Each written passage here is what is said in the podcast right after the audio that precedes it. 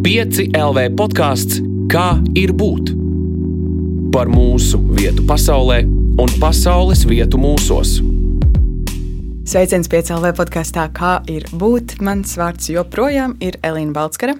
Un šīs reizes tēma ir izdegšana. Tas ir vārds, ko mēs dzirdam aizvien biežāk, un eh, nevis tikai runājot par izdegušām telpām vai zemes teritorijām, bet arī par izdegušiem cilvēkiem. Reizēm vienkārši pārlieku ilga piepūle dara mums eh, ļoti pāri, vai tas būtu darbs, attiecības, vienkārši pandēmijas radītais spiediens, sekas ātrāk vai vēlāk liek par sevi manīt. Šodien savā izdegšanas stāstā dalīsies audiovizuālā satura producents Niklaus Vētra. Čau, Niklaus! Čau, Elīna! Paldies, ka uzaicināji!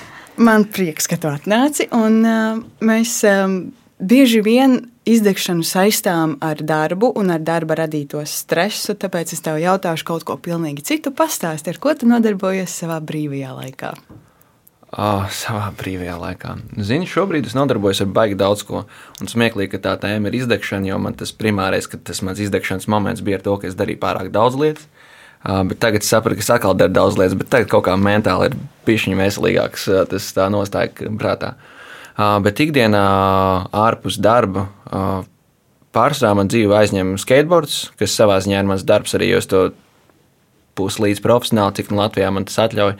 Ar to nodarbojos, un tad paralēli tagad tieši tajā skateboarda ziņā esam ar, ar, ar, ar kompanioniem, skate, skateboardistu kolektīvu izveidojuši biedrību, lai arī turpinātu attīstīt skateboardu kultūru, jo šobrīd mēs tādā nedaudz apstājušies esam posmā. Līdz ar to tas ir daudz vienkārši iet skaitot, trenēties zālē, iet uz mītingiem un, un, un būvēt augšā tās visas birokrātijas lietas, kas nevienam nepatīk. Um, Un, un, un, un tad, protams, arī nu, kā, kāds hobijs, ar gatavošanu, paklausīties mūziku, aiziet, iedzert kādu dzērienu ar draugiem. Tas, protams, ir klasika. Uh, bet jā, tas skateboards laikam ir tā primārā lieta, kas man ir, uh, kas man ir ārpus darba. Mm -hmm. Un ko tad dari pārējā laikā, kas nav brīvais? Pārējā laikā, kas nav brīvais.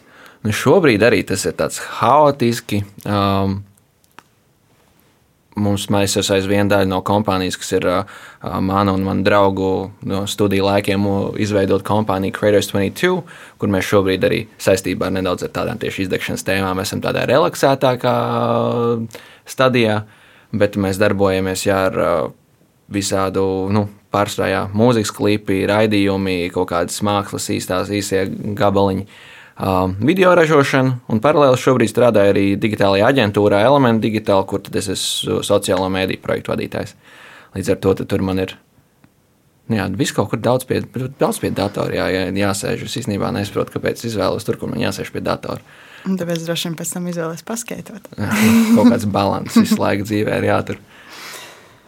Um, tu minēji šo kompāniju, tu teici, ka ņemot vērā izdegšanas lietas, jūs esat bijuši tādā mierīgākā fāzē. Vai tu vari pastāstīt, kā jūs to izveidojāt? Jo tur, man liekas, ir tāds interesants stāsts no studiju procesa, tas ir izaudzis līdz šodienai. Un kur tu tur ienāk iekšā tā izdegšana šajā visā? Mm -hmm.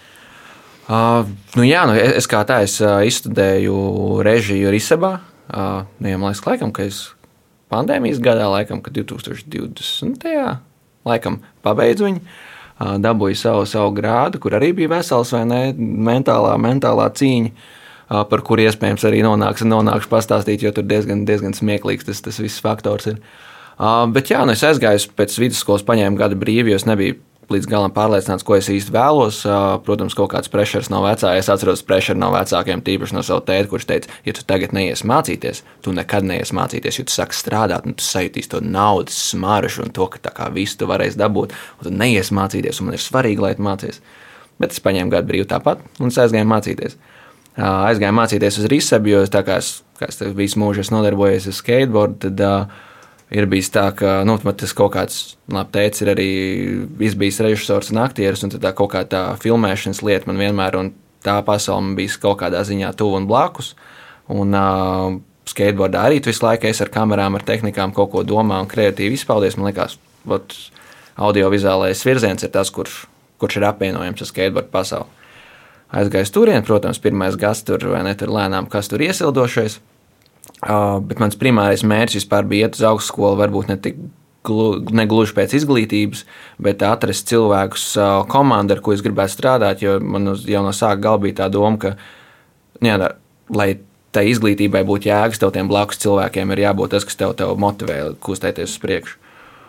Un mums tur ļoti labi salikās, ka mums tur bija vairāki, vairāki cilvēki, kas ar kuriem mums sakrit tās domas. Primāri ir jā, otrs izveidotais Creators 22 Mārtiņš Golbergs, ar kur mums ātri vien sakrit, varbūt tāpēc, ka mums abiem ir brilles un četras acis zikā, un tad uzreiz bija tas, ka viena mīlestība. Bet mēs tur kaut kādiem skolas projektiem sākām kopā darboties, un, un, un, un pie, pievienojās vēl viens uh, uh, kursabieris Kristaps, uh, kuras kaut kāda grupas projekta mums kaut kā labi sastrādājās un, un bija viss tā labi, labs tāds, tāds vaibiņš. Un, un, un, un, un tad es aizbraucu uz Erasmus, uz Portugāli, es tur sākumā, protams, balītas dzīve, vai ne, jo kas tur aizbrauc uz siltām zemēm, un tu vispār tev vēl ieskaita stipendiju, un, protams, ne jau tur baigi kaut ko mācīties. Bet ātri vien par to pusgadu es sapratu, ka es nevaru sagaidīt, atbraukt atpakaļ uz Latviju. Es nevaru sagaidīt kaut ko darīt, jo tas pusgads Erasmusā bija tāds. Es man nepatīk, ka man nav mērķis kaut kāds, ka tu zini, ka tūlīt tas beigsies, un tas viss tas bija viņa fake. Un tad mēs sākām runāt ar to Mārtiņu, ka, hei, kad es būšu atpakaļ, sākam, sākam kaut ko darīt. Viņam jau bija iepriekš pieredze, kaut kādā, viņš strādāja aģentūrā, viņš bija izveidojis atsevišķu kompāniju, jau tā, ka mums ir mikro uzņēmums, uz kuru bāzes, ka tur nav jāatškarējās. Uh, īsti, ka ir tā, tā bāzīte ir un ka mēs varam sākt pakāpeniski iet iekšā tirgu un paralēli, kamēr mēs mācāmies, tad mēs varam arī mācīties un būvēt to savu, savu lietu augšā. Un, un jā, atbrauc atpakaļ, bija tieši viens, vēl viens cits mans draugs Mārtiņš. Mums visu laiku, man visā dzīvē, visu laiku sako Mārtiņa audio-vizuālajā industrijā, jo visos projektos, kur mēs esam, vienmēr ir vismaz trīs Mārtiņi. Um, divi no tiem mūsējiem. Un, un jā, mums bija, mums bija, bija es, kuram gribējās kaut ko darīt. Bija Mārtiņš, kurš vispār ar kameru ļoti uh, labi, labi darbojās. Un tad, jā, Mārtiņš Golbergs, kas vairāk uz tādu producēšanas virzienu gāja. Un vienkārši sākām, sākām maukt, un, un, un nebija nekāda īsta cita darba. Ir vienkārši tikai tas tavs uzņēmums, un tu esi zem uzņēmuma, bet freelanceris vai ne? Un, uh, Nu, tad jau tas ir mērķi un expectācijas, ko tu uzliec, un tas, ka tev ir nepieciešams ja nopelnīt peļņa, kaut kādas tehnikas nopirkt, kaut kādas biroja telpas pakāpeniski attīstīt, kaut kādas tur oficiālās licences, vai ne? Mēs pirkām oficiāli lietas, vai ne? Mums nebija tur nekāds fake. Mēs bijām tādi ļoti kārtīgi, aizvien esam kārtīgi cilvēki. Un, un jā, nu tā kaut kā uzbūvējām līdz tam, ka ja mēs pirmo video, ko mēs filmējām ar Mārtiņu kopā, bija kaut kāds breakdance atskats Grīziņa kalnā mazā deju studijā, tad pēdējais tas mūsu lielais projekts, kas bija bija arī Latvijas televīzijā 16 plus kanālā ierāmēts seriāls, kurš mums arī tur ilgi nāca, pusotru gadu, tur vesels mocības, un arī mentālais vai ne burbulis tur bija tāds, ka plīsa puša vairākas reizes. Bet man liekas, ka mēs tādu savos, man liekas, ka trīs gadu laikā, es gribētu teikt, varbūt bija ilgāk, diezgan labi uzbūvējāmies tur augšā. Vismaz līdz kaut kādai stadijai. Tā kaut kā, es nezinu, es varu vēl kaut ko, nu, pastāstīt. Nu, man jau interesē, zin, kas man, man tajā tavā stāstā interesē, kur notika tā sadegšana. Izdegšana, uh, nodegšana, nu, sauc kā gribi. Nu, Zini, kā viņi tādi visu laiku bija paralēli, jo man tā iekšējā paralēlā pasaule, kas man ir tas skateboards, kas man ir ļoti svarīga, svarīgā tā sastāvdaļa, Un tad tas nenoteiktais kaut kāds darba grafisks, kaut kāds kļūdas, ko mēs pieļāvām tajā, ka klasiskais tu jau nodarbojies vai ne ar audio-vizuālajiem mēdījiem, fotografiju, vidi, tev jau tas ir hobijs, un tu to vari darīt īsos termiņos, un brīvdienas tev nevajag, jo tev jau tas patīk. Un kaut kādu laiku mēs arī tā, to uztvērām, līdz sapratām, ka mēs savā starpā novērojam, ka mēs vienkārši esam pārguruši un, un ka netiekam ar lietām galām, ka mēs sākām salikt tur grafikus un tā tālāk. Bet, protams, dažādi arī ar finansiālām lietām. Pārsvarā tas bija nu, finanšu dēļ, jo ir kaut kāda mērķa uzstādīta un tev vajag, tev vajag pirmkārt vai nu, savas primārās vajadzības no, nokārtot visu, lai tev ir kur ir pajumti ir ēdiens un paralēli kaut kādi citi mērķi. Un, un tā konstantā rukāšana un nespēja paņemt atvaļinājumu vai paņemt brīvdienas īsti, jo mums, es nezinu, es neesmu aizvien atvaļinājumā tā reāli bijis, jo katru reizi, kad es braucu kaut kur atpūsties uz ārzemēm, atpūsties, tas bija uz sacensībām ar skateboardu, kas ir pilnīgi cita veida darbs, cita veida stress. Līdz ar to man nebija es neņēmu tās pauzes starp visām lietām. Man bija tikai pauze, tas, tas izmantots otrā manā darbā. Um, līdz ar to tas pakāpeniski sāka krāties, krāties, un, tad, protams, arī atnāca pandēmija. Uh, Un, kā jau teicu, to skateboardu salīdzinoši profesionāli nodarbojos. Un, un es kopā ar uh, kolēģi skateru Artūru Bogdanoviču centāmies kvalificēties uz Olimpiskajām spēlēm. Mums bija jābrauc tur veselā tripā, mēs tur meklējām finansējumu, kaut ko mums federācija, kaut ko mēs paši. Nopirkts biļetes uz Ameriku. Es paņēmu vēl no skolas šo akadēmisko gadu, kad man tieši bakalaura bija jāraksta, lai, uh, lai es varētu tā kā. Nu, Mm. Prioritāte. Es tagad tieši skateboardā. Viss. Mums bija plāns izbraukt uz Ameriku, uz, uz Dienvidu Ameriku, tur Peru sacensības, Āzijā sacensības, kas un kas, un tad badāts. Desmit dienas, 15 dienas pirms uh, mums bija jāizlido, robežas ir cieta. Vuhaņas erors vai ne, vai, vai Vuhaņā, man liekas, vai ne, tas viss sākās. Uh, ieradās Covid un viss nosit nost. Lockdowns. Saprotu, ka tā kā viss, ko esi strādājis, kaut kā pēkšņi tev likās, ka tev, tev ir tikai labas domas galvā, ne? Ne es arī es tāds par dzīvi, man liekas, vairāk vai mazāk pozitīvs cilvēks. Nevienam neko sliktu nenovēlu, mēģinu vienmēr ar tādu labu prizmu skatīties. Un es arī ticu tādai karmas ziņai, ka, ja jau es darīšu labi, tad man jau arī būs labi. Vai ne tā kā nu, man nāks tas atpakaļ. Un tad tajā brīdī, kad es kā visu daru labu mērķu vadīts, un tas, tas covid, un tas kancels, Un, protams, tur visas dīkstāves, kas un kā, un tur, protams, valsts, valsts lietas, kas tur negribēja sākumā dot tur tiem mikro uzņēmumiem tādas summas, šitādas summas. Tavs sapnis par skateboardu pēkšņi ir apstājies, tu nezini, ka tas notiks vairāk, darbi ir apstājušies, tu nezini, tu sēdi vienkārši tajās četrās telpās, četrās sienās. Un pakāpeniski, protams, tur atkal viss vasarā palika labāk. Un, un, un, un it kā mēs kaut ko tur atsākām darīt, un kaut kādas tur kustības notika, bet kaut kāds tas īstenībā no tā visa stresa, smaguma savā galvā un arī kaut kādām sevis uzstādītajām expectācijām pret sevi. Uh, jo man arī tāds man pašnovērtējums vienmēr, lai gan daudziem cilvēkiem vienmēr liekas, ka, ah, Niklaus, tas jau tā kā pasties, viņš tur visu kaut ko dara. Nenormāls zemes pašnovērtējums. Es visu laiku savu džudžoju par visu kaut ko. Un tas man nenormāli vēl tā kā malc iekšā par, ka, ka viss, ko es darīju, ir nepareizi. Un, uh, un tad vienā brīdī man bija vienkārši atceros no kādiem vecāku. Kaut kāds, kaut kāds ģimenes pasākums mums bija, un tur māma veda mājās. Kaut kāds tur, protams, nevienmēr sanāk, ka ģimenes saldojumi kaut kādi tur super forši, kaut kādas smagākas tēmas, kaut kas tam līdzīgs. Un tad es atceros to sajūtu, ka es vienkārši nu, sēžu tajā mašīnā priekšā. Un, un arī vīriešiem, man liekas, tā ir globāli, sociāli, vai ne? Tā kā vīriešiem nav emociju. Viņi neraud, Protams, viņi nedara šito nekad. vai ne ka tev ir kaut kas sūdīgi, kam tu zvani. Un man, protams, līdzīgi tā kā es, lai gan esmu tāds kaut cik ar to savu emocionālo pasauli sakonektēts, tāpat es, es atceros, es strīdu un vienkārši pēkšņi saku, nenormāli raudāt. Un tā, ka nu ķipiņā, un vienkārši es pats nesaprotu, kas notiek, un ir vienkārši anxietīs nenormāls. Man māma skatās, man domā, bļāviens, kā, kas pie vēl notiek. Tajā brīdī es sapratu, man jāiet uz terapiju, viņš papļāpāt ar terapeitu un atrast kaut kāds, kaut kāds risinājums. Um, Un jā, tas vienkārši ir kaut kāds milzīgais sloks, ko es pats sev liku un ko mēs arī savā starpā ar draugiem uh, uzstādījām uh, viens otram, ko mēs, jo, jo mēs gribam attīstīties, neviens negrib stāvēt uz vietas. Un tad tas viss komplekss, ka tā man profesionālā dzīve tajā brīdī ne, nokatojās, uh, mana sporta dzīve nokatojās, un tad viss kaut kādas tās situācijas, kas vienkārši sapratu, ka nu, viss es esmu Dan, man, man pietiek. Ah, un tur pa vidu bija arī tas seriāls, kurš arī pārcēlās mm. no gada. Tā kā jau mēs atradām uh, labu lietu, ko izdarīt, kamēr mums ir tas lockdown, bija konkurss. Pieteicāmies konkursā. Tur diezgan vēl kaut kāds 17, 18 pieteikumu, super. Mēs vēl kā zaļknābi, kur nav tāda izmēra projekta darījuši. Mūs uzaicinās top 2 interviju. Nointervējam, paņem, taisīsim jūsu seriālu.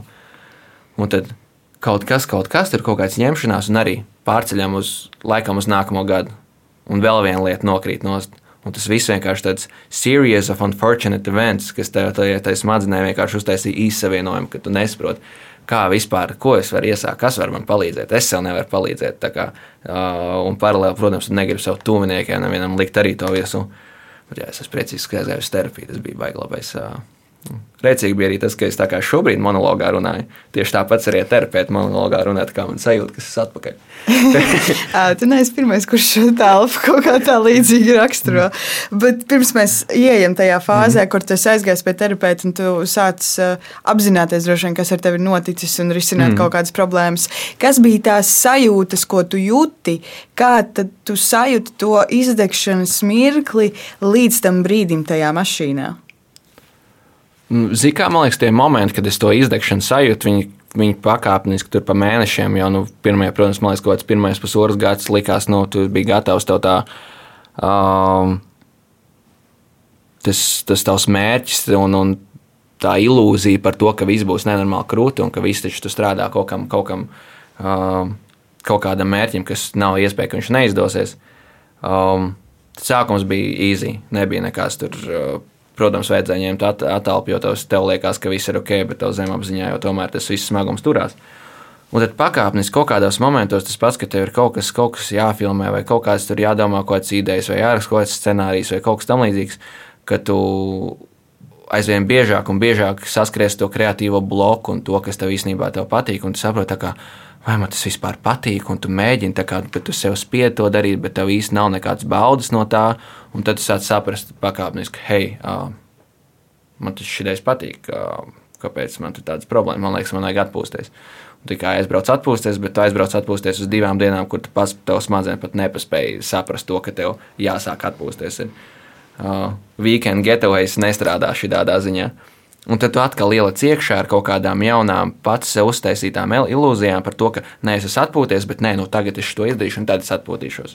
Un tad tas cikls turpinās un turpinās, un pakāpeniski tas smagums un tas, varbūt tas prieks pret to darbu arī tik ātri pazuda kaut kādu momentu. Tas vienkārši likās, ne, ka tā ir tā kaut kāda rutīna, kaut kāds tas, ka tev viņš emocionāli nepiepilda tajā, jo tu vienkārši esi pārgājis visu laiku. Un, un, un, un, un, un, un jā, tad pakāpeniski kaut kā, un tad pa virsmu vēl tas, tas skateboards, viss vai nekas tur nobruka. Nu, tad, tad tur man bija vienkārši tas īsavienojums vienā momentā, kad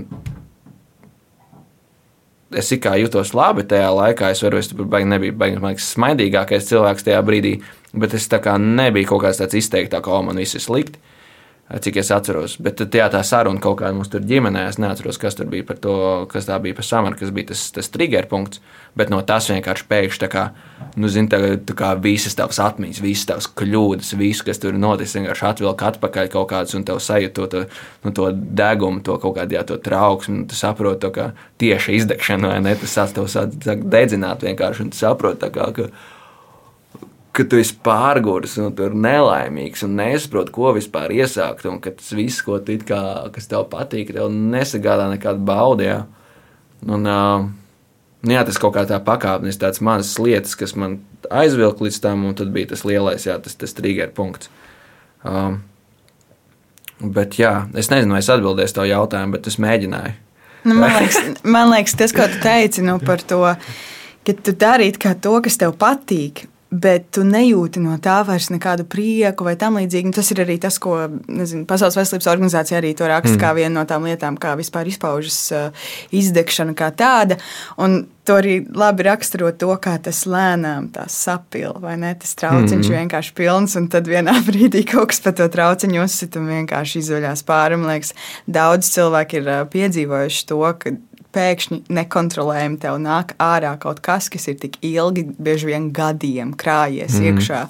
Un tev arī sakrājās, un ir epizode mašīnā, tu saproti, ka tev ir jāiet pie terapeita.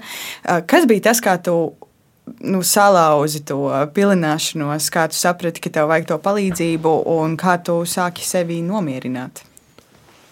Um, Apdzēst, ja mēs apdzēst. turpinām izdegšanas analoģiju. Kā es sevi dzēsu? Zini, kā tas man liekas, tas mans dzēšanas process, jo arī, nu, protams, ka nav tā, ka es aizgāju pie terapeita un viss tā, oh, viss super, es esmu tur vesels. Es, protams, visu to procesu un kaut kādas tās sajūtas arī aizvien jūtu, bet tagad ir bijuši citādāk aspekti, un es viņus kaut kādā ziņā spēju kontrolēt un saprast, kad arī teikt nē, jo tā ir viena no lietām. Nebija bieži tas, kā, jo tas visu laiku jāmācās, jāmācās to tikai jā, jā, jā, jā vēl, vēl, vēl, kaut ko ņemt. Un uh, tagad vienkārši es vairāk arī saku nē, bet um, Nu, es zinu, ka tas pirmais solis man vispār kā tā bija. Es sapratu, ka man ir ļoti daudz, kas man, uz, uz, man, man galvā notiek, ko vajag dabūt ārā.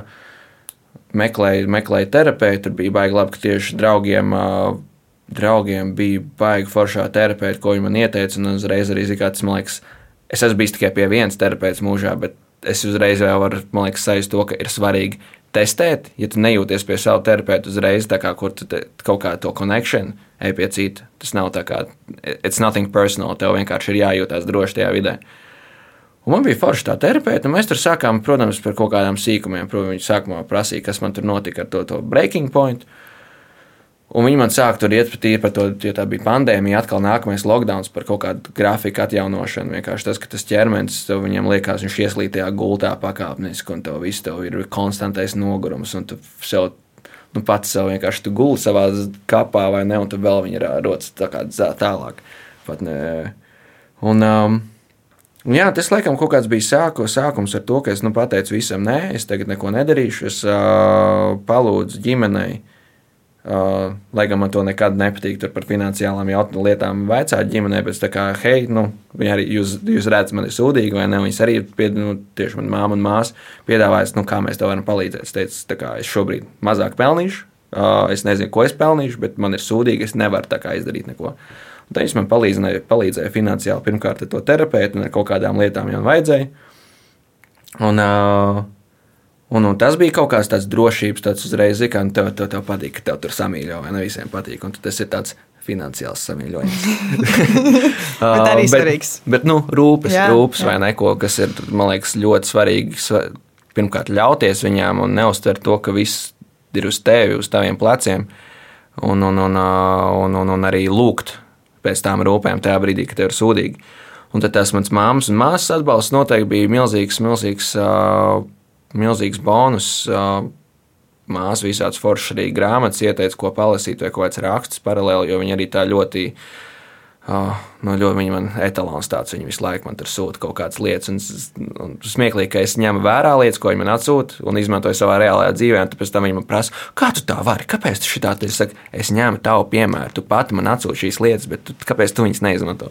Um, bet es ticu tas. Um, Bet, bet jā, tas primāri tas bija tas ģimenes atbalsts, pakāpeniski saprast, no kurienes ar terapeitu palīdzību, no kurienes kuras domas nāk, kāpēc, kā viņas man ietekmē paralēli tiem rakstiem, un kas man ļoti patika, ko man māsa iedeva grāmatu par ego izlasīt. Kur tur tāds Ekhards Tolle uzrakstījis A New World, man liekas, grāmata saucās, kas man liekas, man arī tīk pavēra vispār to kontekstu, par to, kā strādā cilvēka smadzenes un tieši tas nu, ego. Kā, kā viņš tas tāpat kā depresija, kā viņš mums melo, kā viņš mums saka, mums jāiekļaujas kaut kādās sociālajās kādās grupās, vai ne jābūt jaunākais iPhone un tā tālāk, jo es gribu būt kaut kas tāds. Uh, bet tas ir tas ego, kas tev mēģina samalot, ka tev kaut ko baigi vajag, lai vēl prom no tā kaut kādā īstā es un tā savu ceļu. Un tā grāmata man baigi daudz, man liekas, palīdzēja saprast gan savu to, savas domas pakāpeniski analizēt, kuras ir meli, kuras actually es, kurām es ticu.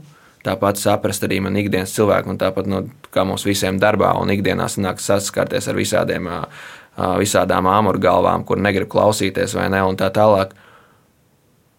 Protams, aizvien tie cilvēki man izraisa kaut kādas, cik pa laikam negatīvas un kaut kādas emocijas, bet tagad ir tas, ka es, es neļauju viņiem piekļūt, jo es to, to ego, to kontekstu, domas saprotu, kā, no kurienes tas viss ir cēlies, vairāk vai mazāk. Līdz ar to es, vienkārši kaut kādā ziņā cīnos un aizvien eju ceļu, vairāk izprast sevi. Uh, uzdot tieši jau nu, iet vairāk tajā emocionālajā pasaulē. Uh, man ļoti patīk, uh, man liekas, ka tev pat Instagramā es reiz to We're not really strangers. To, mm -hmm. to, tie, tie man nenormāli patīk, tie jautājumi uzdotie, uh, kurus tā ir arī. Nu, tur sekojot, vai tas uzdevums tā kā, hmm, jā, nu, tas ir tāds labs iečkošanās tie jautājumi. Ik pa laikam vairāk sev uzdot jautājumu, iečkoties ar sevi. Tas, man liekas, man tāds atslēgas vārds visu laiku ir bijis, kas man ir, uh, ko es tagad daru. Negluži dēlī, bet katros momentos, kad es sajūtu to kaut kādu iekšējo kaut kādu pretestību iečkoties. Kā, vai tas, ko es daru, vai tas, ir, tas man palīdz, vai tas man uz kuriem man tas ved. Uh, brīžiem ir lietas, kas man varbūt ne gluži man negribās viņas darīt, bet viņas ir jāizdara, un es saprotu, cik tālu es esmu gatavs iet līdz brīdim, kad es saku nē. Uh, Bet es baigi aizplūdu, ne? Bet es domāju, tas jau arī tas ceļš uz to sevis apdzēšanu arī droši vien ļoti dažāds un plūstošs, vai ne? Jā, jā, jā, jā. ļoti, ļoti, ļoti, ļoti, ļoti plūstoši. Smieklīgi ir tas, ka um, man agrāk likās, visā tie, labi, protams, aizvien ir cheesy, inspirational quotes un tā tālāk, vai ne? Follow your dreams, šie te. Bet uh, es aizvien kaut kā, kaut kā pēdējā laikā līdz ar to izdegšanu un to kaut kādu procesu arī es pašam brīžiem man smieklīgi sāk, cik daudz kaut kādas tos inspirational shits, gan uh, gan pats uztver, gan ik pa laikam kādam tur skaterim pasaka, un tad man tas saka, o, oh, inspirational Niklaus kaut ko tādu. Jā, tādā momentā dzīvē es esmu tagad, vai ne? Es gribu, es gribu dalīties ar tām domām, kas man ir iekšā, un tu vari, tu vari klausīties, tu vari neklausīties, tu vari uz, uz, uz, uzskatīt man par ko vien tu vēlēsies, bet es, um, nu, es mēģinu dalīties ar tām lietām, jebko, ko, ko, ko es domāju, ko es, kas man ir manai mentālajai veselībai, skaļi, publiski, nu, negluži, bet vismaz draugu lokā, tik cik man ir tas tajā brīdī pieejams. Es vienkārši arī tās iekšējās sajūtas, kuras grūti aprakstīt, vai ne vispār tajā izdegšanā, īpaši tajā, ka es tagad arī par to breaking, es sen nebiju runājis par to, ka es par to bimbāšanu vai ne. Un, uh, Uh, uz, un viņš atkal ir sajūta iekšā tur, to, un es saprotu, ka es nevienam nenovēlu tādu sajūtu, ka tā ir briesmīga. Tāpēc es arī tur savus quotes māmu mācu ārā iekšā visur. Um, kur vien labi izrunāja, bet tā. Bet jā. Man liekas, es ļoti varu arī pievienoties tam, ka, ja tu nonāc kaut kādā tādā vietā, kas nav patīkama, un tu saproti, ka tu nevienam cilvēkam, nu pat ļaunākajam ienaidniekam nenovēl tur nokļūt, es gatavs ar jebkādām metodēm censties mm -hmm. paglābt cilvēkus nu, vienkārši no sirds. Un tad mans jautājums tev ir, kāpēc tev liekas nu, svarīgi par to nu, runāt. Šis ir viens aspekts, un tu saki, ka tu stāsti saviem draugiem uh, iedvesmojošos mm. citātiņus, bet uh, es pieļauju, ka tu stāsti varbūt vēl kaut ko. Kas ir tas, uh, tas būtiskākais, kas tev mundina to darīt? Vienkārši dalīties ar savu stāstu. Jo arī šeit tu esi atnācis dalīties ar savu stāstu. Jā. Nu, zin, tas man, man tā iekšējā pasaule arī nu, tāda, tāda dīvaina, jo es kā momentos esmu introverts, momentos ekstraverts, un kā jau mums visiem ir kaut kāda, kaut kāda kaut kādi tie, tie gājieni. Un, lai gan es ļoti bieži tāpat, kā es teicu, daudz savā galvā aizvien pavadu, nav tā, ka es pēkšņi tagad. Uh, uh, nu, nu, tā ir tikai vienkārši mana pieredze, mans iekšējais. Jo es, es runājis ar citiem cilvēkiem, arī kuriem tas viss process ir nu, kas pilnīgi citādāks, un tās, tās atziņas kaut kas sakrīt, kaut kas neskrīt. Bet kāpēc es ar to dalos? Ja es vienkārši ne, es ticu cilvēkiem. Es ticu tam, ka kaut kādā momentā man dzīvē likās, ka man ir jāiet vienam uz kaut kādu mērķi, uh, bet es laikam, kad es tur neesmu tur pilnīgā, pilnīgā jā, ar aizvērtām acīm, negājis par to, ka es esmu tur, tur kaut kāds, uh, ne, ka man kaut kas tur baigi ir jāizdara. Bet uh, man patīk turēt apkārt cilvēkus meklēt cilvēkus, kas, ar kuriem man ir connections. Un, ja man ir emocionāls konekšņs, jebkuram jau es arī tā neiešu stāstīt, tur vai ne. Uh, uz ielas kādam par to, ka vai tu zini, nu, tur vai ne, ka, nu, ekstrēmi jau vai ne, vai tur jau, jau bija šī pārāk traktā, kā vai tu zini kaut ko par evi, vai to, vai to atjūties. Es runāju tikai, nu, dalos ar to tikai ar cilvēkiem, kurus es respektēju, vai kuriem es redzu, ka viņiem potenciāli iet uz kaut kādu, kaut kādu, kaut kādiem bišķiņā uz, uz, uz leju kaut kas, kaut kādām vienkārši ir momenti, ko es redzu no sava stāsta, kas notiek, ko es jau pakāpeniski saku, hei, ir ok, nu, tas daudziem, daudziem draugiem esmu teicis to, ka, hei, ir ok. Ir ok, aiziet pie terapeita. Ko tu terapeits man tur, man tur pateiks, ka šito un to, un es tur šitas un tā. Tā vispār nav. Vienkārši aizēj, parunā. Jo ir ļoti labi, ka te ir neitrāla persona, kas nav tā, jo, jo ar māmu runājot, tev vienmēr vai tēti vai māsu tu turi to sevi iekšā kaut kādas tās lietas, jo tu negribi to emocionālo slogu uzlikt. Un bieži vien man liekas, ka mēs uzliekam cilvēkiem emocionālo slogu, ka viņi to, nu, viņiem nav tam space. Mm. Un tad tur ir. Uh, Ja tīpaši, ja tu skaties, vai ne ģimenē, vis kaut kam, nu, cilvēkiem notiek kaut kas, un tu saproti, ka var ielikt kaut kādu. Es varu nedaudz ielikt no sevis, padomu, klausi, neklausi. Vienkārši, ka es esmu bijis kaut kādā līdzīgā situācijā. Man liekas, šis var palīdzēt. Vai tas tev palīdzēs? Es to nesolu, jo man ir pilnīgi citādāk stāsti un, un, un, un, un kas un kā. Un tā kā man tie man apkārtējie cilvēki, draugi, ar kuriem man ir tas emocionālais connections, man viņi. Nu, es gribu viņiem to labāko. Tāpat kā, tāpat kā es, es vēlos sev to labāko, saviem savu draugiem vēlos to labāko. Un tad es uzskatu, ka viņi man pieņem par tādu, kāds es esmu, un tad ar viņiem dalīties. Un, un tas tālāk jau katram individuāli ir jautājums, vai viņi to klausās, vai viņi to kādā arī tajā mentālajā stadijā ir viņi paši. Jo bieži viņi ir cilvēki, uh, kas tev saka, ko tu tur muldi. Neko atkal, nu, tas pats atkal Niklaus inspirēšanas no ko. Šobrīd izklausās tā, ka es vispār te visu laiku esmu zaidos, bet nav tā, ka es zvēru.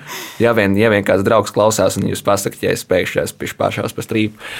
Bet, um, Bet, jā, es vienkārši dalos, jo man liekas, ka man ar to ir jādalās. Es negribu to turēt sevi, un, ja kāds ir gatavs klausīties, un es gribētu teikt, ka man tuvākie draugi ir tam gatavi klausīties, uh, jo es klausos arī viņos. Un, un, un, un man ir svarīgi, jā, man vienkārši svarīgi, lai viss ir, lai viss ir vēseli, lai viss ir priecīgi. Visiem viss uh, labi. Visiem viss ir labi. Jo nu, daudz, ir, daudz ir tomēr cilvēki, kuriem ir grūti nu, runāt par uh, savām cīņām, savām kaujām, stāstīt par to, kā saraudājos mašīnā vai kaut kā tamlīdzīga. Tas tomēr ir nu, daudz uzskata kaut kā par kādiem tumšumiem iekšā, ar kuriem tu gluži nedalies. Ne? Labāk paturēt pie sevis, bet varbūt tā paturēšana pie sevis arī beig beigās ir viens no cēloņiem, kāpēc uh, ir tā, kā ir. Simtprocentīgi. Nu, tāpēc es tev, es tev ne, ne, īpaši, man liekas, vīriešiem šobrīd. Uh, Protams, mēs visi te sabiedrība daudz vairāk ir informēta tagad. Tas pats ir forši, ka ir tur. Uh, man liekas, ka ir vai ne tā, ka terapijas tās pašas ir. Tur valsts jau beidzot iekļaut tajā, ka tas ir kaut kāds apmaksāts un ka ir lietas. Tur cilvēki runā par izdegšanām, par trauksmēm, par depresijām un par, par visu šo te, visiem šiem procesiem. Un tā kā pakāpeniski kā izglītojās par to tēmu, bet uh, vīriešiem aizvien ir tas, nu, tas klasiskais stereotips vīrietis, spēcīgais vīrietis, kurš šito to nē, man viss ir kārtībā. Un, un tad, kad tu uzdod, man liekas, tas kaut kādā tur tikto kā redzēja, tur klas, kaut kāds arī tur. Es, protams, ka man tas algoritms aizgājās arī par kaut kādu mentālo daļai. Un tur bija tas uzdod jautājumu, ka tev ir rītīgi sūdīgi. Kam tu vari uzzvanīt un pajautāt? pajautāt? Un tur čaļi pārsvarā arī ir, nu, tur kāds tur nopietnākās, tur depresija, kāds tur ar asarām acīs. Man nav neviens, kam parunāt. Neviena. Jo visi uzskata, ka es esmu vai nu tu pats sev neļauj dalīties, vai tu negribi uzgrūst kādam, jo tu jau esi stiprais vīrietis. Un, uh, es neesmu stiprais vīrietis, tā kā man vienalga, es, es, gribu, es gribu labāk, lai es esmu pēc iespējas ātrāk kaut kādu problēmu tiek galā. Jo, ja nu, tas pats nu, tikko runājām, ne cik ilgi es turēju šīs lietas iekšā un baigi tur nevienu nestāstīja, kas tur man to šī ideja slikti vai kaut kādā nemēģināja analizēt. Un manā gadījumā tas veiksmīgs stāsts ir viens breakdowns. Un uzreiz kaut kāda saprāšana, ok, es kaut kur varu, man bija, man bija kāds cilvēks blakus. Es pieņemu, ka ir daudz cilvēku, kas breakdowno konstanti, bet viņi sēž savā mājā, istabā, tumšā gultā un breakdowno, un tad uzliek savu masku virsū un iet ārā un saka, ah, jā, jā, viss super. Un tas jau ir aizvedis uz pilnīgi vēl lielāku, tur aizved uz depresiju, aizved uz, uz vēl sūdīgākām sekām. Uh, Līdz ar to man liekas, vienkārši tas tā mentālā, caur manu pieredzi, tā mentālā veselība. Ar katru dienu es saprotu, cik viņa nenormāli svarīgāka, lai gan mūsu audzināšana ir citādāka. Kā tev liekas, tur ir kaut kāds, nu, vai cik liels tur ir paudžu konteksts un paudžu jautājums, jo skatoties arī kaut kādas statistikas par to, kuras tad ir tās paudzes, kas vairāk piedzīvo izdegšanu, nu, mēs esam uh, to skaitā, kuri ar to sastopas biežāk. Vai tavuprāt, tas ir tāpēc, ka mēs, jaunie cilvēki, kaut kā citādi dzīvojam, vai tikai tāpēc, ka mēs sākam apzināties savas emocijas un problēmas un par to runāt? Kādu tu redzi to saistību šim jautājumam? Zini, kā nu, mans tas viedoklis ir tāds, ka nu, 21. gadsimts, protams, klasika, ātrie mēdīji, sociālai tīkli, influenceri, viss tas, uh, viss tas fakeness, kas mums notiek, notiek apkārt. Mums konstanti mēs ejam pēc kaut kāda sava mērķa, mēs redzam, ka tur deviņgadīgi YouTube zvaigznes pelna miljonus. Un ko es daru nepareizi? Kāpēc es nepelnu miljonus?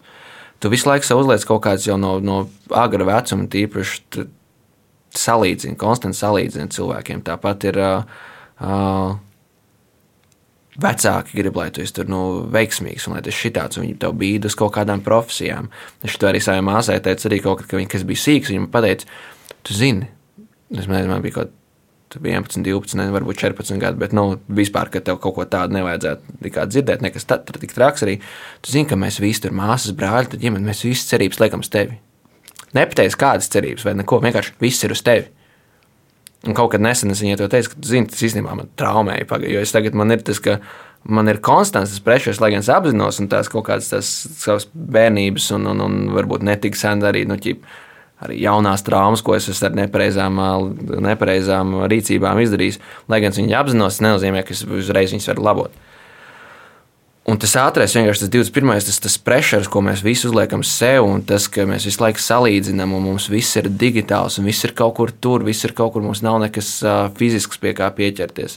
Mums ir tik daudz lietas un tik daudz informācijas, uh, uh, kuras mēs uztveram. Protams, arī pieejami, informācijas pieejamība par to, ka ir tā, kas ir izdegšana, kas ir depresija, kas un kā, tas tev atver jaunu bedri. Jo es nesen arī runāju ar savu, uh, savu vienu radinieku par kaut kādu līdzīgu tēmu kuras teica, ka, nu, tā, kad man bija 16 gadi, man likās, kā, ka man problēma ir tas, nu, es ne, neatceros, ko es tur tieši teicu, bet pirms tas, ka, ka maniem visiem draugiem ir 7. iPhone, man ir 6. 6. iPhone, un ka man tā likās problēma. Tajā brīdī, kad es pakāpeniski ļoti daudz pateicoties savai māsai izglītojos vispār par to, kas, kas patiesībā, nezinu, manā patiesībā ir svarīgs un uz kurienes uz kurienes es sapratu, ka tas par to telefonu vairs vispār nav svarīgi. Bet tagad es skatos uz bildi plašāk, un tagad es esmu vēl lielākām problēmām priekšā. Un tad tas ir jautājums, kā tu dīlēs ar lielākām problēmām. Tu saproti, uzzini kaut kādu informāciju, atrisini kaut ko šā, šo, šo problēmu, kas tev tagad. Un tagad tev jau ir tas, nu, jo vairāk tu zini, jo sliktāk. Kāpēc? Saka, nu, savā ziņā es būtu priecīgs par to, ka man būs dzīvot, nezinu, nezinu kur, vienkārši kaut kādā mazā mājā, man būtu tikai smāku ķert dzīves, šito to man nebūtu problēmas, jo man nav informācijas. Es zinu tikai savu vienu, savu vienu to pasauli, bet tajā brīdī, kad tagad mums ir informācija, kā dzīvo visās pasaules malās, kādas ir valsts kaut kādas atbalsti, neatbalsti, kā tur citur vecāki par tevi rūpējās, kādam nerūpējās, kādam šitais, kādam kāds uztaisīs pēkšņi ideju no nekurienes vai nekļūst par, par miljonāru. Jo ziņās jau arī rāda tikai tāpat kā vēsture, tikai uzvarētāji. Neviens nerāda tos miljonus, kas apakšā ir cenšies un pakāsuši visu savu naudu. Vai visu, vai, vai vienkārši sev, vai nu, ir kļūdījušies. Un tā kā mums rāda tikai tos uzvarētājus, tu tikai vēl vairāk un vēl vairāk lietas virsū sev tās kaut kādas expectācijas, kuras bieži vien pat nav tavas. Tas pat neesi mm. tu, tu, tu skrien pakaļ kaut kam citam. Uh, bet, uh, bet tev būtu jāiet pakaļ sev. Jo tajā, tajā konferencē, arī, kur, kur mēs toreiz tur tikāmies, man bija pēc tam arī jāstāsta par, nu, par sevi. Līdzīgs kaut kāds stāsts un kaut kādas lietas piemin. Un man arī tur bija ielicis atsevišķi um, slaidi, ka neskrien pakaļ citiem, skrien pakaļ sev, kas ir dīvains kvots. Bet mēs vienā brīdī, manā galvā, vismaz nonākam tik tālu prom no tās sevis, ka mums ir nu, jāuzņem apgrieziena šīs pēc iespējas ātrāk, jāsaprot. Nu, ir jābēg atpakaļ uz to vietu un jāsaprot, kas, kas, kas es pie vēl neesmu, nevis tur, ko man citi kāds vēlās no manis uh, iegūt. Un jā, tā kā tas informācijas daudzums, jā, tas ir vienkārši. Viņš var ļoti ātri tev vienkārši tavu galvu samaitāt ar informāciju, ko, kas nav vajadzīga. Jo bieži vien jau tu nemaz nezini, kas no tā ir taisnība. Un, un tu pat nesni, tu, tas ir atkal neiečakojies ar sevi un neanalizē savā galvā, jo tu automātiski pieņem, ka tā ir taisnība. Tu izlasi no viena avota un, pieņem, un, un, un tas ir tas vienīgais ceļš. Tad izlasi kaut ko, kas ir kaut kas, kaut kas cits, un tu piekrīti vai nepiekrīti. Un vienmēr vajag saprast pašam, vai es piekrītu tam, ko es izlasīju, vai es nepiekrītu tam, vai tas man rezonē ar mani vai nerezonē. Un tā mēs to katrs savu patiesību jau arī būvējam. Um, Nu, jā, jo es nesaku, ka mans ceļš ir tāds, kāds ir jāiet, vai ne? um, jā, un būvējam, un tā būvēšana jau arī tāds um, nu, bezgalīgs process, droši vien, vai ne? Visu laiku kaut ko darām. darām. Tu pieminēji to konferenci klausītājiem, lai zinātu, mēs satikāmies ar Niklausu pirms kaut kāda mēneša apmēram konferencē, jo mēs tur abi runājām. Un patiesībā tas ir arī iemesls, kāpēc Niklaus šodien ir šeit. Tāpēc, ka mūsu, es smējos, minūtes garais smaltāks, man ļoti nepatīk smaltāki, bet tavs smaltāks man pārsteidza tieši tā iemesla dēļ, ka tajā brīdī, kad mēs stāstam, nu, ko mēs darām. Nu, tu, piemēram, tur iestāstīt tam, un tur ar draugiem kompāniju mēs tur taisām video, un tu uzreiz ieliki iekšā to, ka tas ir nācis cauri grūtībām, ka Jā. tas ir nācis cauri cīņu. Un man tas likās ļoti patiesi, godīgi un forši, un, un tāpēc uh, tu arī esi šeit, un tu arī stāsti tagad par, um, par to informāciju, kas ir ārā ko mēs uzzinām sociālajos mēdījos, vai daudz kas cits. Un pirms tam daudz arī stāstīja par to, kas tev ir iekšā, par, par, to, par taviem mērķiem, vēlmi kaut ko sasniegt un tam līdzīgi. Kā tev liekas, kur tad ir tie patiesie izdegšanas iemesli vairāk? Tie izdegšanas iemesli ir tur ārā vai te iekšā katrā no mums? Nu, manā gadījumā tie ir man iekšā. Uh, Jo, kā jau teicu, arī caur visu to savā augšanas procesā, nu, es esmu, saku, visiem, visiem mums ir dēmoni, tāpat kā mūsu, es, es salīdzināšu ar, ar, ar, ar, vecākiem, es negribu par to, ka visiem mums ir kaut kādas traumas, kaut kādas lietas, kas, kas mūs ietekmē, kas bieži vien neļauj mums uh, pieņemt pēdiņās pareizes lēmumus. Um, es esmu sekojis kaut kādā ziņā jau agrākā bērnībā un jaunībā sapratis kaut kādas savas traumas, savas tur kaut kādas jā, kompleksus un kaut kādas lietas, un lietas, ko es esmu kļūdījies, kas man ir ietekmējuši pēc tam diezgan drastiski. Um, un tas ir tas, kas man tālāk ir dzinis uz priekšu arī par to, ka, ka tās manas iekšējās tās cīņas un neapzināšanās to, kas, kāpēc es kaut kādas lietas daru, uh, viņas man tās ārējos faktorus uzbūvē daudz lielākus iekšpusē un daudz padara viņus daudz smagākus un, un liek man pieņemt vēl nepareizus lēmumus. Vai, labi, es negribētu teikt nepareizus, jo nav tā, ka arī ka es ņemtu kaut ko atpakaļ. Jo es esmu ļoti priecīgs, jo šobrīd, es, kā, kā es teicu, es daru ļoti daudz ko šobrīd atkal, bet man tā, tas mentālais stāvoklis ir pilnīgi citādāks. Jo tas viss process bija tik nenormāls smags, uh, vismaz man. Bet uh, vai es viņu ņemtu atpakaļ? Nē, Jo es esmu priecīgs, ka es no tā visa esmu kaut ko iemācījies, un vismaz domājis līdzinājums, ļāvis sev. Ja es, ja es jau teicu to, ka es jau biju pārdedzis, pārdedzis, pārdedzis, ka notika tas kraks, uz kuras sapratu, ok, tālāk man bija šī kaut kas jālabo. Um, un, un jā, līdz ar to tas tā, tā, tā iekšējā pasaule, man liekas, ir tā, kas ir uh, jāapzinās. Uh, jāapzinās, jā, kas ir tās tavs, kas ir tavs trūkums, kas ir tavs dotības, kur tu uh, visam, ko tu dari, nav jābūt labākajiem. Jo, man liekas, arī tāds par, par lietas, kas tev var novērst to pārdegšanu, tas nu, ir ne hobijs. Uh, bet bieži vien mēs neizvēlamies darīt kaut kādu hobiju, nemēģināt kaut ko jaunu, jo es jau nemāku. Jo es jau tas ne, nezīmēšu, tā kā es man patīk tur zīmēt kaut ko, bet es nezīmēšu, jo es jau nevaru to nopelnīt lielo pīķu un pārdot tur vai ne Banksī vai, vai vēl kaut ko. Uh, un ka viss tā pasaule ir tikai nu, beigās bija tikai nauda, ka visi, visi man liekas, to savu pasauli būvē uz naudu. Un, protams, ka viņi. Es arī es daudz ar savu, saviem, saviem cilvēkiem runāju to, ka man, man nenormāli besī nauda. Uh, man viņai nav tāda vērtība, nu, tāda fiziska vai nē, jo es varētu, es, ja man būtu ne, neizmērojama, es dotu pa labi, pa kreisi un tā tālāk, viss būtu kārtībā. Bet tajā pašā brīdī, te, kad man nav naudas, es esmu pilnīgi dead. Nu, nu, tas ir nu, vispār nefunkcionējis, jo man sākās arī nu, sākās kaut kāda panika, kaut kāds anxietīs. Jo, um, Tā kā tur jāmeklē vienkārši tas pareizais līdzsvars, kur tu gribi dzīvot, kā tur. Tāpēc tur arī tur jāmācās, ne, tur, kā vispār finansēm rīkoties, ko man liekas, arī ļoti daudz cilvēku vienkārši nemāk rīkoties. Es arī uh, negr es negribētu teikt, ka es baigi māku rīkoties savām finansēm, bet es mēģinu. Uh, tāpat uh, arī ne ar tiem hobijiem, ka ne visam ir jābūt kaut kam lielākam. Skaties uz lietām, kas ir vairāk nu, nepieciešams tev. Un es arī tagad skatos to pašu skateboardu, vairāk tur parādās. Nesen bija Lietuva aizbraucis ar viņu skateboardu federāciju parunāt. Viņiem tur ir skate skola un vēl kaut kas, un nenormāli daudz nāk tur kaut kādi IT džeki, 40 gadi. un viņi beidzot kā arī pēc kaut kādas jau pārdomām, es nezinu, kāds ir viņa doma process, līdz tam, ka viņi izdomā pamēģināt un sākt skaitot. Un nāk tur uz skateparku piecas reizes nedēļā vakaros. Jo viņi vienkārši iet un skatās to, kas ir nepieciešams viņiem. Un tas nav tā kā, ah, tu tur esi skate, un kas tas vispār ir, vai ne? Un ko tu tur nemāki braukt, tu krīt, kurš šito dara. Šis vienalga, dari to, ko tu gribi. Es darīšu to, ko es gribēšu. Un, un tas ir tas lielākais, kur, ko es aizvien arī pats iekšēji cīnos, bet ko visa pasaule, man liekas, cīnās, ka kurš mani džadžos. Uh, uh, jā, jā, arī jā, man liekas, kurš... tas, ka tu vari darīt lietas vienkārši prieka pēc. Jā, Nevis easy. produktivitātei, mm. naudai vai kaut kam tamlīdzīgam, sevis attīstībai. Jo man liekas, ir daudzas arī lietas, kuras mēs darām it kā. Nu, it kā sev, it kā prieka dēļ, bet īstenībā kaut kur tur ir iesprādzies iekšā mm. tas, ka patiesībā tas man tur attīstīs, un pēc tam es to izmantošu savā profesionālajā darbībā.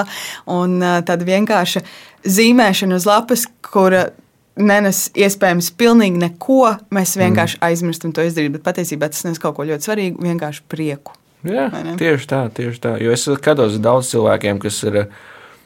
Jo es, es to saku, ko, jo, jo tāpat kā teicu, man lielākā daļa tāpat aizvien ir kaut kādas darbības, kas, ir, kas man nesīs kaut ko.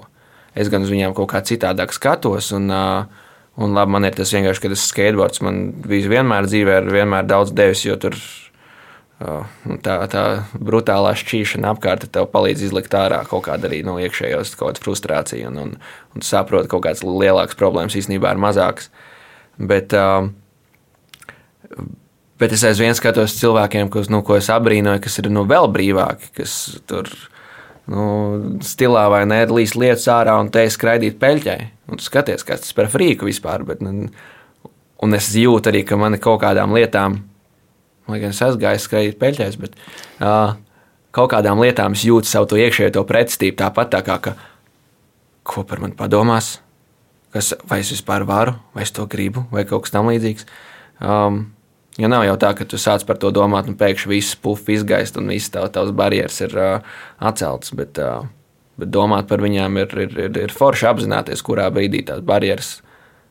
Jā, kā es esmu vairākas reizes teicis, iečkoties sev, tā kā, oh, šī te es nevarēju, tā kā es nevarēju saņemties aiziet uz kredītu pa peļķēm vai ne tur lietas laikā. Kāpēc tā? Un tad pasēdi tur mierīgi tur nē, brokastis un padomā, kāpēc neskrēju pa peļķēm. Un tas uh, bieži vien tāds mazs lietas tev arī noved pie kaut kādām daudz lielākiem domu graudiem, kas tev vienkārši tev ikdienā kaut kā sāk pakāpeniski iekārtoties, un tas sāc vairāk uzdrīkstēties, darīt lietas savam tam. Tas ne adrenalīns, man liekas, adrenalīns ir ļoti milzīgs prieka, prieka ļoti daudz prieka dod. Uh, Un, uh, Kaut kad īstenībā nesen arī ar, ar, ar vienu draugu runāju par to, tā bišķiņa plūst apkārt, bet man liekas, šis ir ļoti interesants, kas ir tieši par mani to izdegšanu, to visu to sajūtu. Tā kā es skaitoju, un es, nu, tas prieka un, prieka un bēdu līmenis ir tik milzīgs diapazons. Un tajā brīdī, kad ir tā, tā sabiedrība un tā alga un tas tā nauda vai nenāk iekšā, ka tev jāiekļaujas kaut kādās citos noteikumos, nu, sabiedrības, kur tu neesi, ka tev, tev ierobežo ritīgi tad, uh, tad tu jūties tik diskomfort, tādā diskomfortā, ka tu, ne, tu vienkārši nevari, tu nevari izlausties no viņas ārā, un tad tev tas, tas milzīgais, milzīgās bēdu līmenis atkal iet lejā, un tu saproti, ko es vispār daru, kas un kā. Bet, um, bet jā, vienkārši ir, vienkārši ir jāmēģina saprast, darīt lietas Es baigi aizplūdu, piedod, lūdzu, piedod, lūdzu, piedod, klausītāji arī.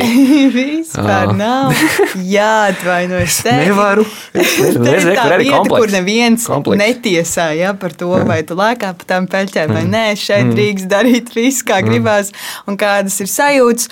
Un man ārprātīgi interesē, tu saki par eh, to, ka visvairāk tas ir iekšā, nu, mm. tas, kas nā, tā, tas izdegšanas uh, iemesls. Uh, Bet kā tev liekas, vai tā, nu, tā izdegšanas liesmiņa ja, ir tā pati liesmiņa, kas ir tā, kas arī dzēna uz priekšu, vai tās ir pilnīgi divas dažādas? Jo Es, es ceru, ka tu saprati, ko es gribu tev pajautāt. Vai es man... laikam sapratu, man bija viņa jāpadomā.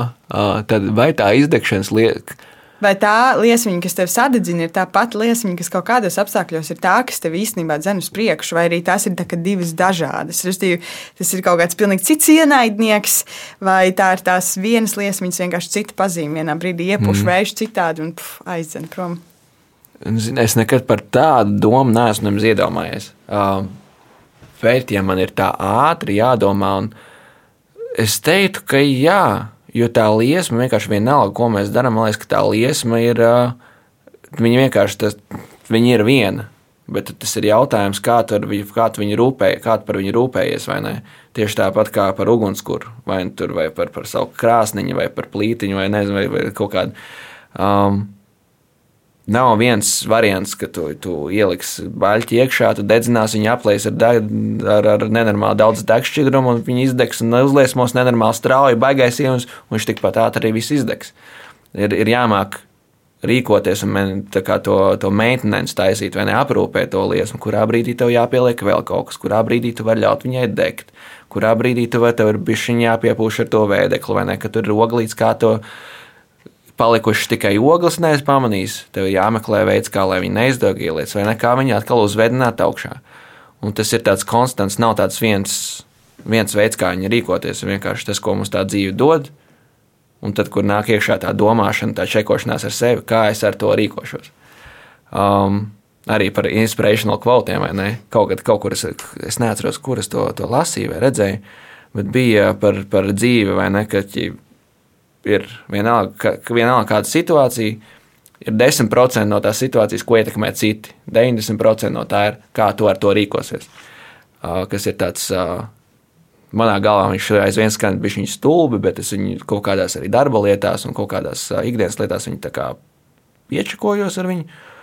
Un dienas beigās tā jau ir. Jo daudzas ir kaut kādas tikai maza, maza lieta, no tā nav tevis ietekmējama. Protams, kā, kā es teicu, tur ar āmuru galvas ir visādi tur ārā. Un tāpat ir nenormāli daudz vienkārši forši cilvēki, kas tev var daudz ko dot.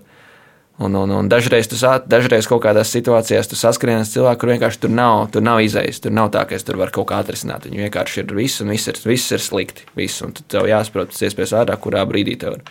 Ja tas ir darbā, jānoved līdz galam, un vairs nekad nerunā, pieņemsim, vai ne? Tā kā nebūs manas klients vairāk. Um, bet bieži vien ir tas, ka tur ir. Uh, Visur tur aizmugurē ir tāpat, un tas pats salauztais bērns, kas arī tevī pašā ir iekšā, kuram vienkārši cita kaut kāda apstākļa, kāpēc viņš tā rīkojās. Un, uh, Nē, esmu neko senais. Es domāju, vai tas būtu interesanti studēt kā, kaut ko tam līdzīgu, vai, vai tas vienkārši labāk lasīt rakstus, kā, kā tās smadzenīs strādā un kā, kā ar tiem cilvēkiem un tiem dažādiem tipiem apieties. Jo, jo jā, nu, tur beigās, beigās, beigās, man liekas, tur var sajūt prātā domājot par to, par to kā, kā rīkoties dažādās situācijās. Bet man liekas, ka tā, jā, tā ugunsgrēka novēršana ir tāds. Ir, trāks process, bet tajā pašā brīdī ļoti uh, apbalvojošs, rewarding, apbalvojošs. Mm. Tas tā pareizi skan. Uh. Jā, ar to lielu ieguvumu noslēgumā. Jā. Bet, ok, bija tas viens tas um, dūlais brīdis, kurā tas ugunsgrēks ir tik ātri vienkārši jānodzēš, ja tu mm. atsakies no visu kaut kā. Tu teici, ka tev bija atbalsts no, no ģimenes un, un bija tāda pauzīte, bet pēc tam ir jāatgriežas droši vien arī kaut kādā ritmā vai ne kaut kādā dzīvē, atkal sākas ikdiena, un nav jau tā, ka tās cīņas, nu, ka tā pasaule ir palikusi droši vien baigi labāka, vai ne? Tā pasaule joprojām notiek, joprojām kustās, ir labās lietas, ir sliktās lietas. Šobrīd, savā ikdienā, kas ir tās lietas, praktiski pavisam, ko tu dari, lai uzturētu to uguntiņu mierīgu, lai eh, tā tev nedarītu pāri, eh, kā tu navigē cauri šai pasaulē, nenonāktu vēlreiz tajā pašā vietā. Hmm. Uh, nu man tā vispār tā lieta ir, ka Laikam pēc tā seriāla atkal bija tas, tā, tas, tas jau bija kā jau, jau nodzēst ugunsgrēku, un pēc tā visa procesa, ka mēs beidzot uzfilmējām, un tur arī, protams, smags darbs un, un, un liela ņemšanās. Vienkārši jā, tas atkal tas izdeguma otrais posms, kad tas nenozīmē, ka vienreiz to izdzēs, ka viņš neatgriežas atpakaļ. Um, tad es atkal teicu, man nebija vairs tik smagi. Es paņēmu vienkārši kaut kādus, divus mēnešus stilā, stilā pauzi. Man kaut kāda maza tikai bija pārtīra, tādā ziņā izdzīvošanai projekta, vai ne, lai tev tur viss ir. Un es vienkārši domāju, okay, ko es tālāk daru. Mēs tāpat arī ar, ar, ar, ar visiem kreatoriem. Uh, kolēģiem, draugiem runājām par to, ka mums visiem tāds tā kā. Nu, visiem pēc tā tāds smaguma piegājuši vienkārši bija grūts process. Un tad mēs tajā brīdī mēs domājam, ok, mēs Bišķiņi paņemam tādu relaksētāku pieejamību, skatāmies, ko mēs darām. Nu, darām projektus tikai tos, kurus mēs gribam, nevis uh, tos, kurus uh, jau vajag tur izdzīvot. Jo bieži vien tie projekti, ko tu, ko tu gribi, viņi nav tik finansiāli izdevīgi, un tad tev ir jāiet. Visā tas pats? Klasiskais video industrijā, pasākuma atskats var filmēt katru dienu, un neviena dienas beigās nevienam īsti neinteresē. Viņš nostīsies labi, ja pāris cilvēki, uh, un, un tu vari uz tiem var pelnīt baigi, bet vai tas tev dod kaut kādu vispār nu, pašam kaut kādu izaugsmu. Tāpēc mēs izdomājām, ok, darīsim to, kas mums patīk tikai. Un tad tādā ziņā, bet tas nozīmē, ja jāiet iekšā ir atkal kaut kādās nu, citās, vai kā tas cits darbs, kā, kā es teicu, kur es atradu elementu digitāla aģentūra, kur arī es tā sēdēju ilgi, tā nedaudz relaksēts un, un, un kaut kādā tādā jā, neļāva sev neko darīt. Un, un vienkārši domāju, kas varētu būt tas, jo tas intereses reti, kuram aprobežojas ar vienu lietu. Man vismaz viņas neaprobežojas ar, ar, ar vienu lietu, man ir daudz tās intereses un kaut kādas informācijas, gan ko es, mani mērķi kaut kad nākotnē tālāk, ko es gribu iemācīties, no kur kaut kur man jāiet. Un tad tas mans gājiens bija tas, ka es aizgāju un, un ar, ar, ar lielu prieku esmu, esmu šobrīd tajā elementu komandā, kur uh, es vienkārši mācos jaunu lietu, kuras es savā ziņā esmu bijis šajā industrijā, bet ne līdz galam ar šādiem tūļiem. Uh, ļoti forši atradu darba vietu ar ļoti foršiem cilvēkiem, kurus var paralēli darīt tos projektus, ko es vēlos, kur var tas gan, gan, gan uh, intelektuāls, vienkārši no nu, prasmes iz, izaugsme, kas man šobrīd attiecīgi vai nenotiek, tad es varu gan tur ar foršiem cilvēkiem un foršu informāciju, jo man patīk uh, komunicēt un skatīties tos uh, dažādos stāstus. Attiecīgi, veselīga vide, atrast. Nevienmēr tas izdodas. Man liekas, man izdevās ļoti veiksmīgi uzreiz atrast foršu vidi, uh, kurā atrasties paralēli. Attiecīgi, es daru, es skaitoju, sākās biedrības, daru tās lietas, kas man to, to, no to dzīves, vai ne, to arī kas man to liesmu, tur ir tie salauztie dēļi, kas tur tajā malkas vietā kurinās. Un es atrodu daru tās lietas, un tas pakāpienis vienkārši es skatos menedžēju, kas ir mans prioritātes, skatos, mm, mēģinu kaut kā eksperimentēt ar to savu ikdienas uzbūvi. Šobrīd pēc tiem visiem, visiem kā, kā es teicu, visām tām uh, degšanām un visām tām emocionālajiem pārdzīvojumiem. Es tādā ziņā, lai gan tagad es jūtos nu, ļoti priecīgs un ļoti, lai, lai gan es neatceros, kad pēdējo reizi es esmu tik agri cēlies, tik vēl gājis gulēt un tā tālāk, bet katru rītu man ir tāds ar tādu. Aiziet, atkal. Zini, ir tas tā, man ir tāda sajūta, vairāk vai mazāk tā kā man bija pirms, uh, uh, kad es no tā Erasmus atbraucu atpakaļ, vai mēs darīsim kaut ko. Tā kā varbūt man atkal ir četri gadi līdz nākamajam krakam.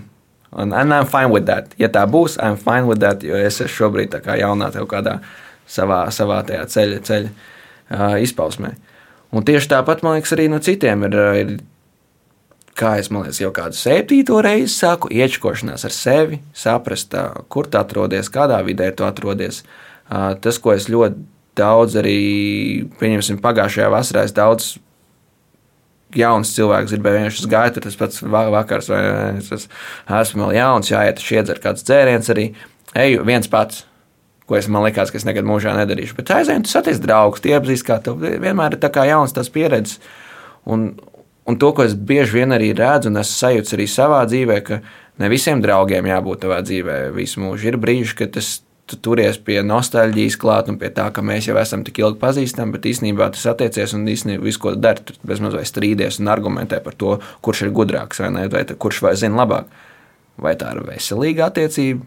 Manā prātā man tas nav nepieciešams. Es labāk nevis strīdos, bet diskutēju par kaut kādiem, kur, mēs, nu, kur ir respektabls sarunas. Līdz ar to ir, ir jāiečkojas ar dažādām tām vietām, ar darba vietu.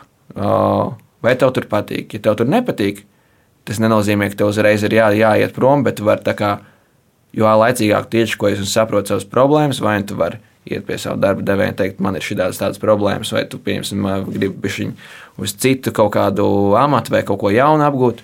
Ej un saki, ja tev, ne, ja tev saka, nē, ko tu, tu neko negribam darīt, tad tev ir tieši tā opcija. Tu vari pakāpeniski sākt meklēt uh, citu darba vietu un skatīties, kur tev, kur tev pieņems. Uh, Un, un, un tāpat ar draugiem un izmēģināt jaunas lietas, ir vienkārši jāiečekojas, ko tu dari. Bieži vien mēs atcaucamies, ka mēs darām kaut ko, kas mums nepatīk. Un tas man liekas, ir, nu, tas, tas, tas, tas ir konstanti. Dari kaut ko, ja tas ir kaut kāds sabiedrības vai kaut kāds atmiņu vadīts, ka tev šitais tev, tev jau vienmēr jādara. Nav, tā nav, tā, man liekas, nu, man vismaz nekas nav jādara. Realtātē, nu, nevienu, nu, tā kā es varu darīt, ko viens grib. grib. Un, un, un tad labāk, ja es varu darīt, ko viens grib, tad darīt to, kas man patīk, nevis to, ko man liek kāds cits darīt. Vai kaut kāds milzīgais sabiedrības burbulis, kas vispār ir milzīgs melu mākslinieks, vai ne, kurš vispār kas tur notiek tajā sabiedrībā, es nezinu. Uh, jā, vienkārši tas man, man, man, man tā atslēgas vārds, jā, kā es teicu, iečkoties, konstanti iečkoties ar sevi. Lieliski, lieliski. Uh, Es gribēju ko jautāt, bet man liekas, ka nē, šis ir, šis ir fantastisks noslēgums. Konstanti iečkoties ar sevi. Zini, Niklā, es novēlēju tev nav pēc četriem gadiem nākamais lūzums, un lai tev izdodas noturēt to uguntiņu tajā patīkamajā sajūtā, nu, ka tev dzēnas priekš, nevis grēmē. Jā, tur viss stabili, jā, jā, ir jāspēlēs. Jā. Protams, nu, tur, tur tā lieta, ka, nu, uh, Ir jau nu, tas augšā lejā, vai ne? Es tāpēc saku, man realitātē, es tagad tā skatos, protams, tas nav patīkami, tā, bet, bet, ja tas notiks, es saprotu, ka tas ir. Nu, es vismaz, man liekas, jūt, jūtos tādā mentālajā stāvoklī, ka ja I can handle it again. Bet, bet protams, nevienam labāk, labāk nenokļūt līdz turienei. Ir, ir labi, ka, ka kāds varbūt es ceru, ka jā, kādam arī ne, tas, ko es saku, noder kaut kādā vai noderēs kaut kādā ziņā, jo, protams, ir labāk, ka kāds uz savas ādas izdara kaut ko, un to tā var mācīties vispārējā tālāk, kāds ir vēsturiski vai ne visās, kā mūsu attīstība notiek, vai ne, kad ir, kādam ir jāpiedzīvo kaut kāds tas kritums un, un jā, jāstāst lietas tālāk un jādalās, lai, lai mēs varam kaut vai bišķi maz drusciņi pamainīt savā dzīvē, lai mums nav jāiekļūst tādos sūdos. Mm, man liekas, arī svarīgi, nu, pat tad, ja tu tur nokļūsi, ja tu arī nokrīti, ka tu zini, ka tu neesi vienīgais tas kritušais, vai ne? Ka mm -hmm. patiesībā mēs, mēs ejam cauri līdzīgai kaujai. Katram, protams, citādi, katram savi izaicinājumi, mm -hmm. bet tā kauja ir līdzīga un, un, un daudzi kaut kur apgājuši ik pa brītņam. Un tas, ko arī pašā sākumā īstenībā teici, cik svarīgi ir nebūt vienam tajā. Vienkārši nebūt vienam, un mēs neesam vien tajā cīņā. Un paldies, ka tu padalījies ar savu cīņu. Man liekas, ļoti forši. Paldies! Paldies tev! Paldies Paldies. Tev. Es ceru, ka, es ceru, ka, es ceru, ka bija, ka bija ok. Bija ok. bija ļoti ok. Priecīgs, jā. bija ļoti ok. Paldies tev, Niklā. Paldies arī tev, ka tu klausījies. Mēs tiekamies pēc uh, nedēļas uh, jaunā epizodē, bet pagaidām es saku atām!